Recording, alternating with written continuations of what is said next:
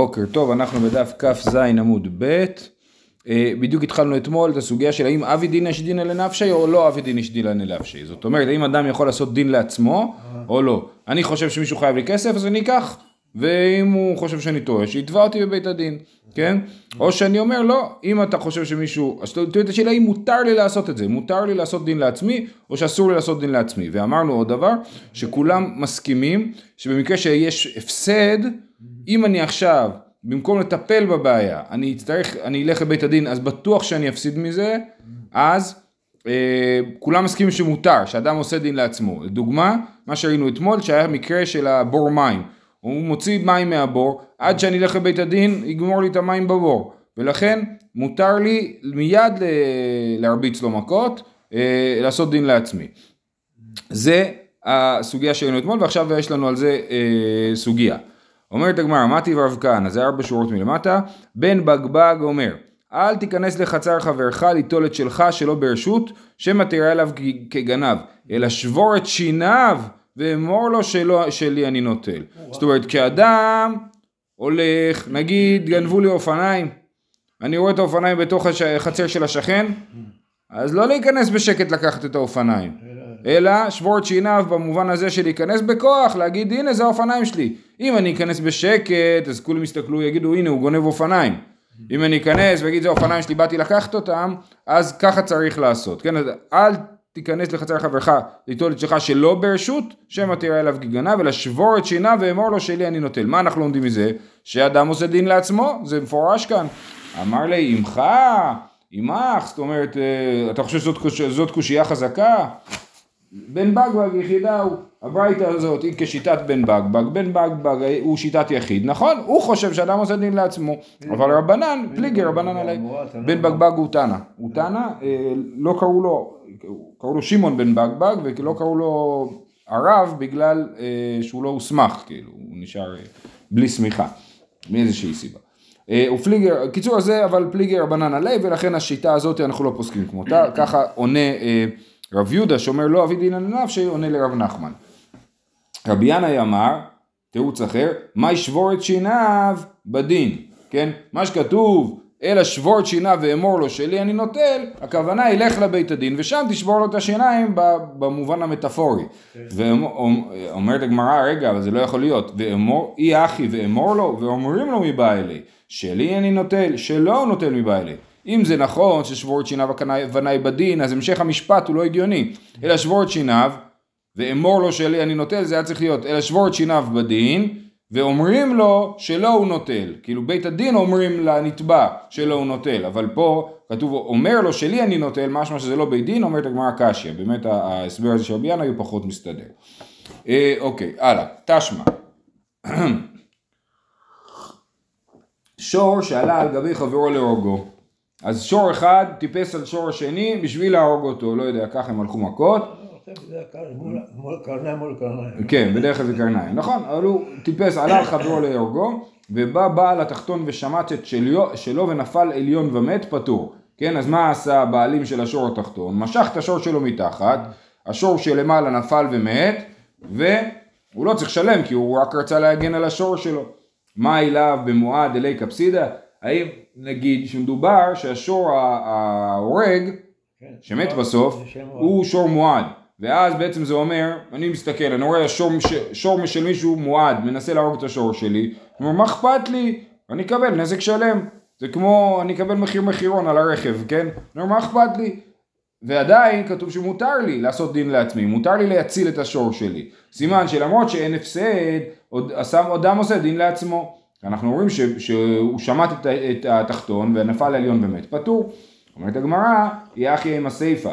אה, אה, אומרת הגמרא, סליחה, מה אליו במועד אלי קפסדה? אומרת הגמרא, לא, בטעם דאי קפסדה. זאת אומרת, הברייתא מדברת על שור טעם, שאפילו אם, ש, שאם אני אלך לבית הדין ואתבע את השור, אני אקבל רק חצי נזק. אז כשאני רואה שהשור העליון מנסה להרוג את השור שלי, שהוא שור תם, אני יודע שאני אפסיד 50 אחוז. לכן, ואמרנו שבמקרה של הפסד כולם מסכימים שאדם עושה דין לעצמו. לכן מותר לו לעשות דין לעצמו, כי זה שור תם. כן. אומרת הגמרא יחי עם הסיפה, בכפו לעליון ומת, חייב. ואי בטעם ממאי חייב, כן? אומרת הגמרא, אם ככה, אה, בסיפא, שאנחנו אומרים דחפו לעליון ומת חייב, אה, כן, הסיפא של הברייתא כתוב שאם במקום, מה, אני רואה שור שמנסה להרוג את השור שלי, עולה עליו, אז אני מציל את השור שלי מתחת, זה מותר. אבל אם אני דוחף את השור העליון, אומר לו רד מהשור שלי, אז, והוא מת, חייב, אני חייב לשלם. ואי בתמה מה חייב? למה הוא צריך לשלם אם הוא, אם הוא, אם הוא שור תם, כן? כן? אה, כי שוב, אם זה שור מועד, אה, רגע, אם זה שור מועד, ו... אה, לא אז ברור ש... אז ברור שאני חייב, כי אני הייתי יכול לקבל את כל הכסף מבית הדין. זה שור טעם, שאמרנו שבוודאי אדם עושה דין לעצמו, למה אם דחפתי את העליון אז אני חייב? תשובה שהיה לו לשמתו ולא שמתו. זאת אומרת, אה, אה, אדם עושה דין לעצמו, אבל הוא תמיד צריך ללכת על הנזק המינימלי שהוא יכול לעשות. במקרה הזה של שני השברים הוא היה צריך להציל את השור שמתחת ולא לדחוף את השור שמעל. אם הוא דחף את השור שמעל, צריך לשלם. היה צריך ללכת על המינימום, אפילו במקרה שיש הפסד. אוקיי, תשמע, הממלא חצר חברו כדי יין וכדי שמן. כן, אני פותח את הדלת בבוקר, אני מגלה שכל החצר שלי חסומה מלאה, החבר שלי, השכן שלי החליט שהחצר שלי היא בדיוק המקום לאחסן את כל הכדי שמן שלו, כן, שם הוא שם אותם. אז הממלא חצר חברו כדי יין וכדי שמן, בעל החצר משבר ויוצא, משבר ונכנס, הוא יכול לשבור קדים ולצאת, הוא לא צריך, הוא עושה דין לעצמו. אז הנה אנחנו רואים שאדם עושה דין לעצמו, אמר רב נחמן בר יצחק, משבר ויוצא לבית הדין, משבר ונכנס להביא זכויותיו. מה שכתוב משבר ויוצא, אז אתה קם בבוקר, אתה לא הולך לעבודה כרגיל, אלא אתה הולך ישר לבית הדין. אז, אז מותר לך לשבר את זה בדרך לבית הדין. אסור לך עכשיו לבוא לשבור לו סתם את החביות, אתה אומר אני חייב ללכת, אני לא יכול לעבור בשביל להגיע לבית הדין, אז אנחנו מבינים שאין ברירה, אתה צריך לשבור את החביות בדרך לבית הדין. אה, ובשבר ונכנס להביא זכויותיו. אומרים לו בבית הדין, אתה אומר שזה החצר שלך, החבר שלך כנראה חושב שזה החצר שלו, תביא שטר שמוכיח שזה החצר שלך, אז אתה חוזר הביתה, בדרך אתה צריך לשבור חביות כדי להיכנס חזרה הביתה. כן, אז זה משבר ויוצא, משבר ונכנס, לא סתם שובר ועושה לעצמו דרך, אלא משבר ויוצא משבר ונכנס כאשר הוא צריך את, את, את, את, את הפעולות האלה בשביל בית הדין. ולכן אין כאן הוכחה שאדם עושה דין לעצמו.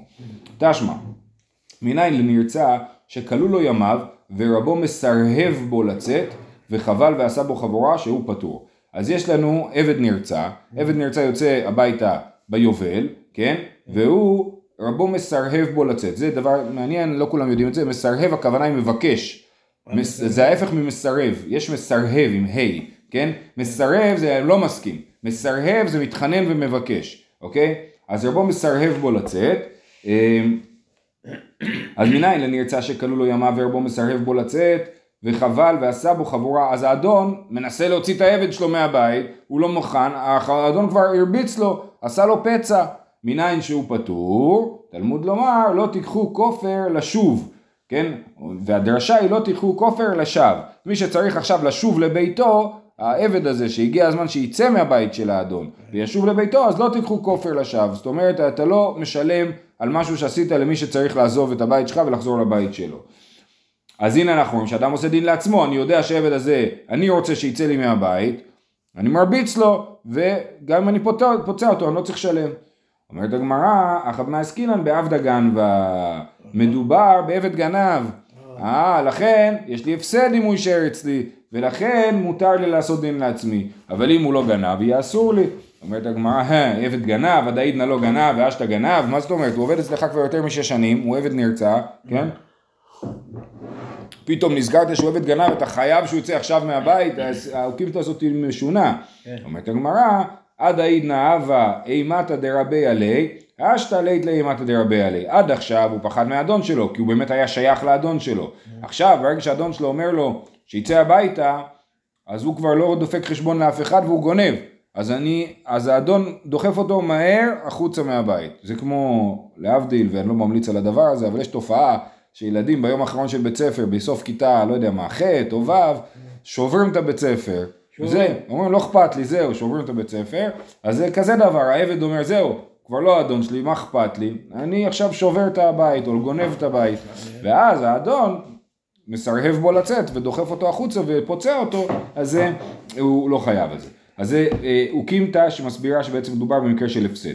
רב נחמן, אה, אה, הסבר אחר, למה מותר לו לעשות דין לעצמו עם העבד הזה ולפצוע אותו, רב נחמן בר יצחק אמר בעבד שמסר לו רבו שפחה כנענית, כן?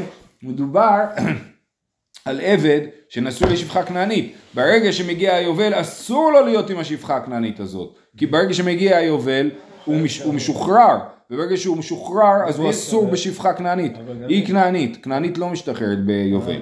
אבל ברגע שהוא משתחרר אסור לו שפחה כנענית. ולכן האדון הזה שמרביץ לו בשביל שיצא זה בשביל למנוע ממנו איסור. כן? הוא מונע עד העידנא היתרה ואשתא איסור, עד עכשיו הייתה מותרת לו, עכשיו היא אסורה לו, ולכן מותר לאדון וזה לא בגלל האדם עושה דין לעצמו. תשמע, המניח את הכד ברשות הרבים ובא אחר ונתקל בה ושברה. זה המשנה שלנו, כן? אדם שם את כד ברשות הרבים, מישהו שבר אותה, נתקל בה ושברה, נתקל. נתקל, כן. נכון? ואז הוא פטור מלשלם. אומרת הגמרא, תמא דנתקל בה השברה חייב, למה שלא נגיד, אני רואה מישהו השאיר באמצע הרחוב כד, אז אני אטפל בזה, אני אשבור את זה, כי זה מפריע לכולם, זה אני אעשה דין, כן, אני אעשה דין לעצמי. אז זה, אבל כתוב נתקל בה ושברה, לא כתוב שמותר לשבור אותה. השברה חייב, סימן שאסור לאדם לעשות דין לעצמו. אמר רב זיוד משמי דרבא, הוא הדין אפילו שברה. באמת, גם לשבור מותר, ומי ששובר פטור. והאי דקתני נתקל, הידי דקבאי למתני סיפא, אם מוזק בעל החבית חייב בנזקות, דווקא נתקל אבל שבר לו, דהו אזיקה נפשי. זאת אומרת הסיפא של המשנה אמרה, שאם מי ששבר את החבית, הוזק מהחבית, בעל החבית צריך לשלם לו על הנזק. אבל זה רק במקרה שאדם נתקל. אם אדם שבר את החבית, נגיד שהיה מותר לו לשבור את החבית, כן? אבל הוא שבר אותה ואז הוא הוזק מהש, מהשברים, אז הוא לא יכול לתבוע את בעל החבית, הוא אומר לו, תקשיב, כל עוד החבית עמדה פה, היא לא עשתה נזק. עכשיו שברת אותה, היא עשתה נזק, אתה עשית לעצמך את הנזק, לא אני. ולכן, אכן, הסיפא שאומרת שמדובר שהוא, ש... שהוא נפצע מהחבית, חייב להיות שמדובר בנתקל, כי אם הוא לא נתקל שבר בכוונה, בעל החבית לא צריך לשלם. ולכן גם ברישא דיברו על נתקל, אבל באמת ברישא, גם אם הוא שבר, הוא פטור מלשלם. ולכן אדם עושה דין לעצמו, ואין פה הוכחה. הלאה, מקרה הבא. תשמע וקצות העת כפה. כן, כתוב בפסוק, כי ינצו, אה, וקצות העת כפה לא גם מושב, כן. כן, אז נקרא את כל הפסוק. אה, כי ינצו אנשים יחדיו, איש ואחיו, וקרבה אשת האחד להציל את אישה מיד מכהו, ושלחה ידה והחזיקה במבושיו, וקצות את כפיך, את כפה לא תחוס עיניך. כן, אז היא בשביל אה, אה, למנוע מאדם אחד, אדם זר, לפגוע בבעלה, היא, אה, סליחה על השפה, אבל החזיקה לו בביצים, כן? אז זה, אה, אז, אז כתוב, עכשיו, בעצם זה נקרא בושת, כן? היא עשתה משהו שמבייש אותו.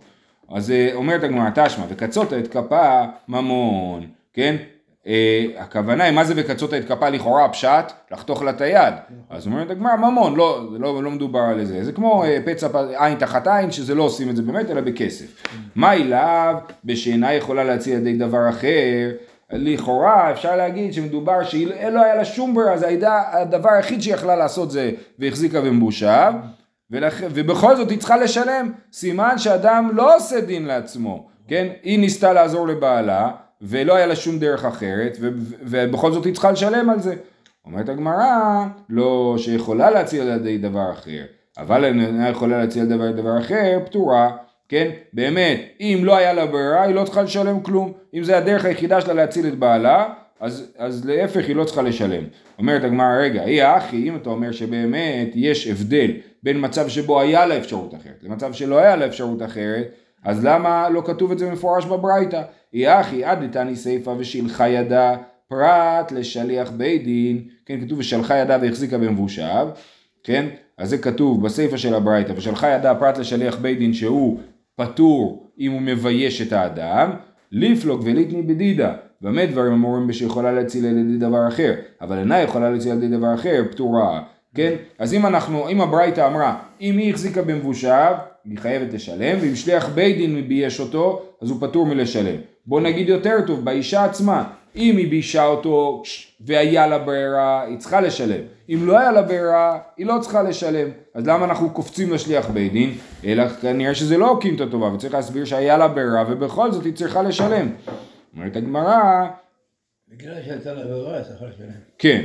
אז אומרת הגמרא, אה, רגע, הכי נמי, באמת, זה, בדיוק, זה באמת מה שכתוב, הכי נמי כאמר, במה דברים אמורים בשיכולה להציע ידי דבר אחר, לכן היא משלמת, אבל אינה יכולה להציע ידי דבר אחר, נעשה ידה כשליח בית דין ופטורה, כל הקטע של השליח בית דין בשביל להגיד שגם היא יכולה להיות כמו שליח בית דין, אם היא עושה דין לעצמה, אם היא בודקת ואומרת אין לי ברירה, אני חייבת לבייש אותו בשביל לשחרר את בעלי, אז אה, היא יכולה לעשות דין לעצמה, ואז היא נחשבת כמו שליח בית דין, ששליח בית דין פטור כאשר הוא מבייש את האדם.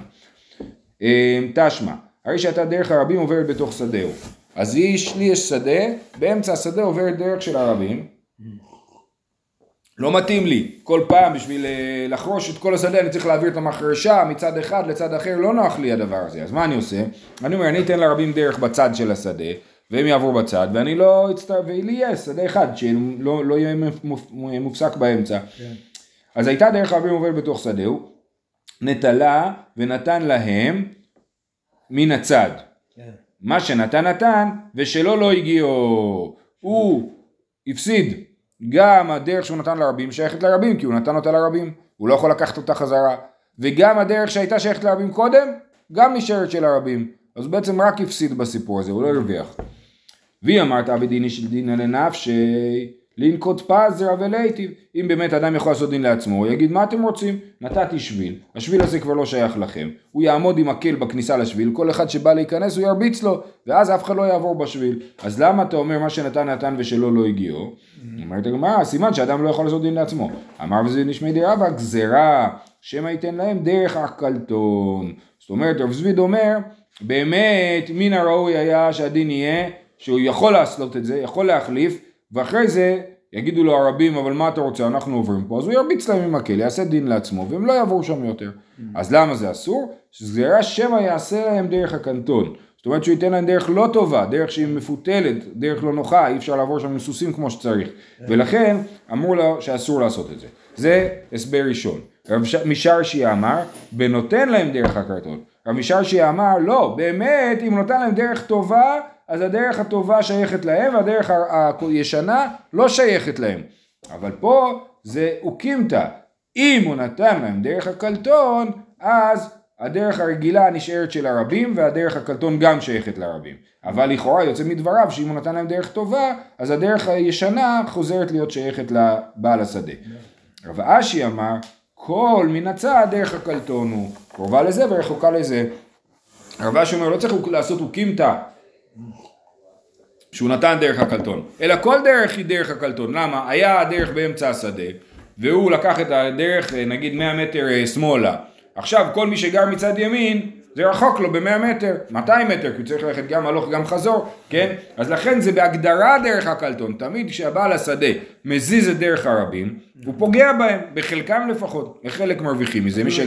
מי שגר מצד שמאל מרוויח, מי שגר מצד ימין מפסיד. גם השדה שלו. השדה שלו, הוא רוצה להרוויח שיזוזו לו את הדרך מהשדה שלו, כן. אבל לא נותנים לו את זה, כי תמיד זה נחשב לדרך הקלטון ואין לו זכות לקחת להם את הדרך. יחי, אומרת הגמרא, יחי המאי שלו לא הגיעו, זאת גרסת רש"י, לנו הרבה יותר נוח עם גרסת התוספות, שאומרת יחי, מה שנתן נתן המאי.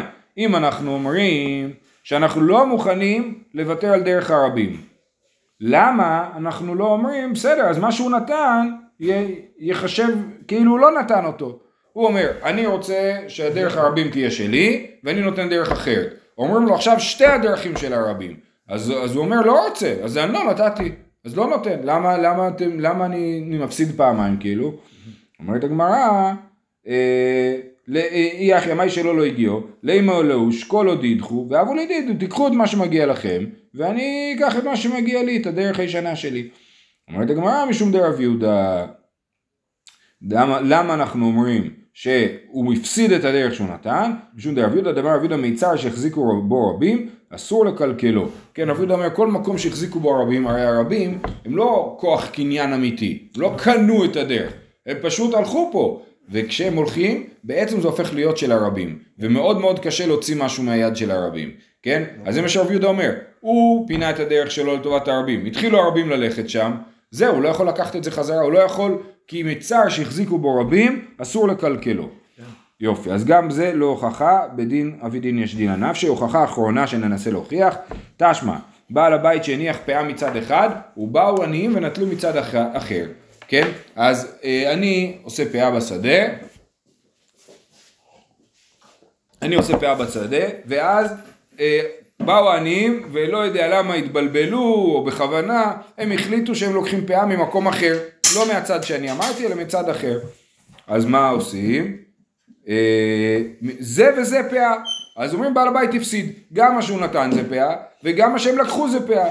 והיא אמרת אבי דין אשדילן לנפשי, אמי זה וזה פאה, לנקוט פזרה ולהיטיב. למה שניהם פאה, שייקח מקל, וכל עני שיגיע יגיע, יגיע לפאה שהיא לא הפאה שהוא נתן, ירביץ לו ויעיף אותו משם, כן? אלא מוכח שלא אבי דין אשדילן לנפשי. אומרת הגמרא, אמר רבא, מאי זה וזה פאה? לפוטרן מן המעשר. מה הכוונה שזה וזה פאה? הכוונה היא שבאמת לא שניהם שייכים לעניים, אלא פאה אחת שייכת לעניים, פאה אחת שייכת לבעל הבית, אבל כאילו בעל הבית הרוויח. למה הוא הרוויח?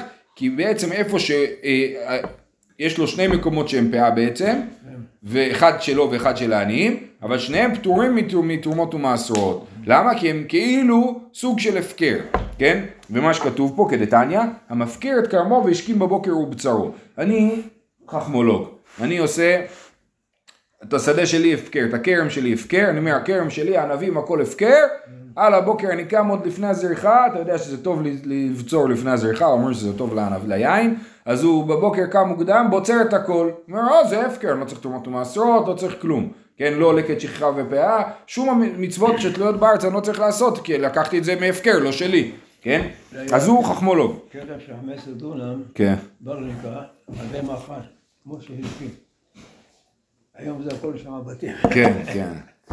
המפקיר את כרמו והשכים בבוקר ובצרו חייב בפרד ובלילות בשכחה ובפאה. אז אומרים לו, זה לא עובד, כל התרגיל הזה לא עובד לו, הוא עדיין. למה? כי כתוב אה, בפסוק, אה, כתוב בפסוק לעני ולגר תעזוב אותם, אז אנחנו לומדים מזה שצריך הפקר מוחלט. לא הפקר כאילו, לא חצי הפקר, רק הפקר מוחלט פוטר מ- מלקט שכחה ופאה. אבל אם יש הפקר מוחלט אז זה פטור. ולכן ההפקר הזה שהוא הפקר מתחכם, אז הוא לא עובד. אבל עדיין זה כן עובד ביחס למעשרות, כן? המפקיר את כרמו והשכים בבוקר ובצרו, חייב בפרט ובעוללות בשכחה ובפאה, ופטור מן המעשר. אז ההפקר הכאילו שעשיתי, הוא כן עוזר, וכן השדה יהיה פטור מתרומות ומעשרות. לכן גם בשתי פאות, הפאה שאני נתתי והפאה שהעניים לקחו, אז גם כן שתיהם יהיו פטורים מן המעשר, כי הפקר בקלות פוטר מן המעשר, ולא משאר דברים. לסיכום, אין לנו הוכחה בשאלה של אה, אבי דין יש דינא לנפשי, ראינו שכולם מסכימים שכאשר יש הפסד, אז לא אבי דין אה, אז כן אבי דין יש דינא לנפשי, וכאשר אין הפסד אז זו שאלה, האם אדם יכול לטפל בעצמו ולדאוג לבעיות של עצמו, או שכל דבר הוא צריך ללכת לבית הדין. כמו שאנחנו אומרים לילדים שלנו, אם מישהו הרביץ לך, אל תרביץ חזרה, אלא תלך למורה, כן? אז הוא אומר, לא, אבי דין יש דינא לנפשי, הוא הרביץ לי, אני ארביץ לו חזרה. אוקיי? אז זה, אה, אבל זה לא נכון באמת, זו דוגמה לא, לא נכונה באמת, כי ברור שכל פה מדובר רק על דברים המוניים וכלכליים. לא מדובר על זה של אני ראיתי אותו עושה משהו לא בסדר, אני אעניש אותו. לא, זה ברור שרק בית הדין מעניש. אלא מדובר על, הפסד, על, על, על הכסף שלי, הוא פוגע לי ברכוש שלי, אני אומר לו, לא, אני עומד על שלי ולא נותן לו, כן? זה כמו קצת הסיפור של הבא במחתרת, נכון? אם הגנב בא במחתרת, אז אני עומד על שלי ולא נותן לו לקחת. נכון, מעניין שלא הביאו את ההוכחה הזאת פה. זהו, אני צריך לרוץ להתראות, אני אמשיך בלעדיך. אומרת המשנה, נשבר, נשברה כדו ברשות הרבים והוחלק אחד במים, או שלקה בחרסיה. הנה, בדיוק הגעת למשנה. נשברה כדו ברשות הרבים, והוחלק אחד במים או שלקה בחרסיה. כן, היה לי כד עם מים באמצע רשות הרבים, נשבר, ומישהו הוזק לא מהכד, או שהוא הוזק מהשברים של החרס, או מהמים, כן, מהבוץ. חייב, צריך לשלם. רבי יהודה אומר במתכוון חייב, ומונה הוא מתכוון פטור. אה, אה, זאת אומרת, אם הוא שפך שם את המים בכוונה, או שבר שם את הכד בכוונה, אז הוא חייב לשלם, אבל אם זה קרה בטעות, הוא לא חייב לשלם, ואנחנו נגיע לזה בהמשך. אומרת הגמרא, אמר רבי יהודה אמר רב, לא שענו אלא שטינפו כליו במים, אבל הוא עצמו פטור, קרקע עולה מזיקתו. זאת אומרת, אם הבן אדם הוזק, אה, הבגדים שלי התלכלכו מהבוץ, כן, טינפו כליו במים, אז הוא יצטרך לשלם, הבעל הכד יצטרך לשלם את הכביסה. אבל אם הוא עצמו אם אני החלקתי על המים, נפלתי ושברתי את הרגל, אז בעל הכד לא צריך לשלם. למה? כי מה, מה הזיק לי? קרקע עולם הזיקתו. הרצפה הרביצה לי, לא הכד הרביץ לי. הכד גרם לי ליפול, ומי עשה לי את הנזק? הרצפה, כן? וזה כמו שאמרנו שיש גרמה בנזיקין, שאם מישהו עשה נזק בגרמה הוא פטור מלשלם, פה הכד שלי עשה נזק בגרמה, אז קל וחומר שאני פטור מלשלם, כן? מה זה סיטואציה שנשבר כזה ברשות הרבים? נשבר הכד ברשות הרבים, החלקתי על המים, ואני אתה צריך פטור. להיזהר כאילו? אה, אולי זאת האמירה, לא, או שלא שאני צריך להיזהר, כמו שאי אפשר לחייב אותו לשלם, כן? אה, הרש"י מסביר שזה קשור למחלוקת נוספת של השאלה על חיוב בור. יש אה, מחלוקת בהמשך, שרב אומר על הבור, נכון אם מישהו נפל לבור ומת, אם בהמה נפלה לבור ומתה צריך לשלם, אז יש מחלוקת מה בעצם הרג את הבהמה. האם המכה הרגה את הבהמה או האוויר בתוך הבור הרג את הבהמה. זה נקרא להבלו ולא לחבטו. הרב סובר שהנזק שהבור עושה זה הנזק של האוויר. כי אם הרצפה של הבור עשתה את הנזק, הרצפה היא קרקע עולם, הרצפה זה לא אני. אני יצרתי את החלל, לא את הרצפה של הבור. הייתה הרצפה למעלה, ירדה, ירדה, ירדה למטה. זו אותה רצפה, אני לא עשיתי כלום, כן? אבל מה אני עשיתי? אני יצרתי מקום שבו יש אוויר מעופש, שהורג אנשים ש... או בהמות שנופלות לשם. אז גם פה וגם שם זו אותו שיטה של רב, שאומר קרקע עולם מזיקתו. אז זה רב יהודה אומר את זה בשם הרב וממשיך לספר כי אמרית קמי דשמואל אמרתי לשמואל את הרעיון הזה אמר לי מה פתאום מיכדי אבנו סכינו ומסעו מבור למדנו אז אנחנו יודעים שאם האבן שלי או הסכין שלי או המסע שלי ברשות הרבים זיקו זה דין של בור אז אב- אבינו סכינו ומסעו מבור למדנו וכולן אני קורא בהם שור ולא אדם חמור ולא כלים ועל כולם אני אומר שור ולא אדם חמור ולא כלים, והנמילי לעניין קטלה, אבל לעניין נזיקין אדם חייב וכלים פטורים. זאת אומרת, הפוך לגמרי. אם, אז שוב, אם הבור שלי מזיק, אז ככה, אם הבהמה מתה, אז, סליחה, אם מדובר על מוות, אז בור ולא אדם, חמור ולא כלים. לא צריך לשלם על כלים, ולא צריך לשלם על אדם, צריך לשלם על בהמה. אם זה רק נזק ולא מוות, אז צריך לשלם גם על בהמה וגם על אדם, אבל לא על כלים. הכלים שהיו ביד של הבן אדם ש, אה, שנפל. שנפל, אני לא צריך לשלם עליהם, כן? אז, אז ככה זאת, זה הדין. ורע רב אמר, רב אמר את ההפך, הוא אמר על הבגדים שהתלכלכו צריך לשלם, ולאדם שנפצע לא צריך לשלם. פונק פקרת, כן? בדיוק להפך. אז הוא אומר, מתי ורב הושעיה, סליחה, ורב, הנעמי לאיכא דאפקרינו, אבל איכא דלא אפקרינו ממונו. זאת אומרת, יש לנו באמת אה, שני מצבים. יש לנו מצב ש, של בור ומצב של שור. אם אני הפקרתי את הבור, אז יש לזה דין של בור, ואנחנו אומרים שם חמור ולא אדם, שור, ו- אה, ולא אדם, חמור ולא כלים, וכל הדינים האלה נכונים. אבל אם לא הפקרתי את הבור, אז זה שור, כי זה ממוני שהזיק, זה שור, ממונו שהזיק זה שור, ולכן אני אהיה אה, חייב לשלם גם על כלים. אז לכן הכד הזה שנשבר זה כד שלא הפקרתי אותו ולכן הוא עדיין הממון שלי ואני חייב עליו מדין שור ולא מדין בור אבל הקרקע היא לא שלי הרי זה בדיוק מה שרב אמר. אני חייב על המים ולא חייב על הקרקע כי הקרקע היא לא שלי המים כן שלי.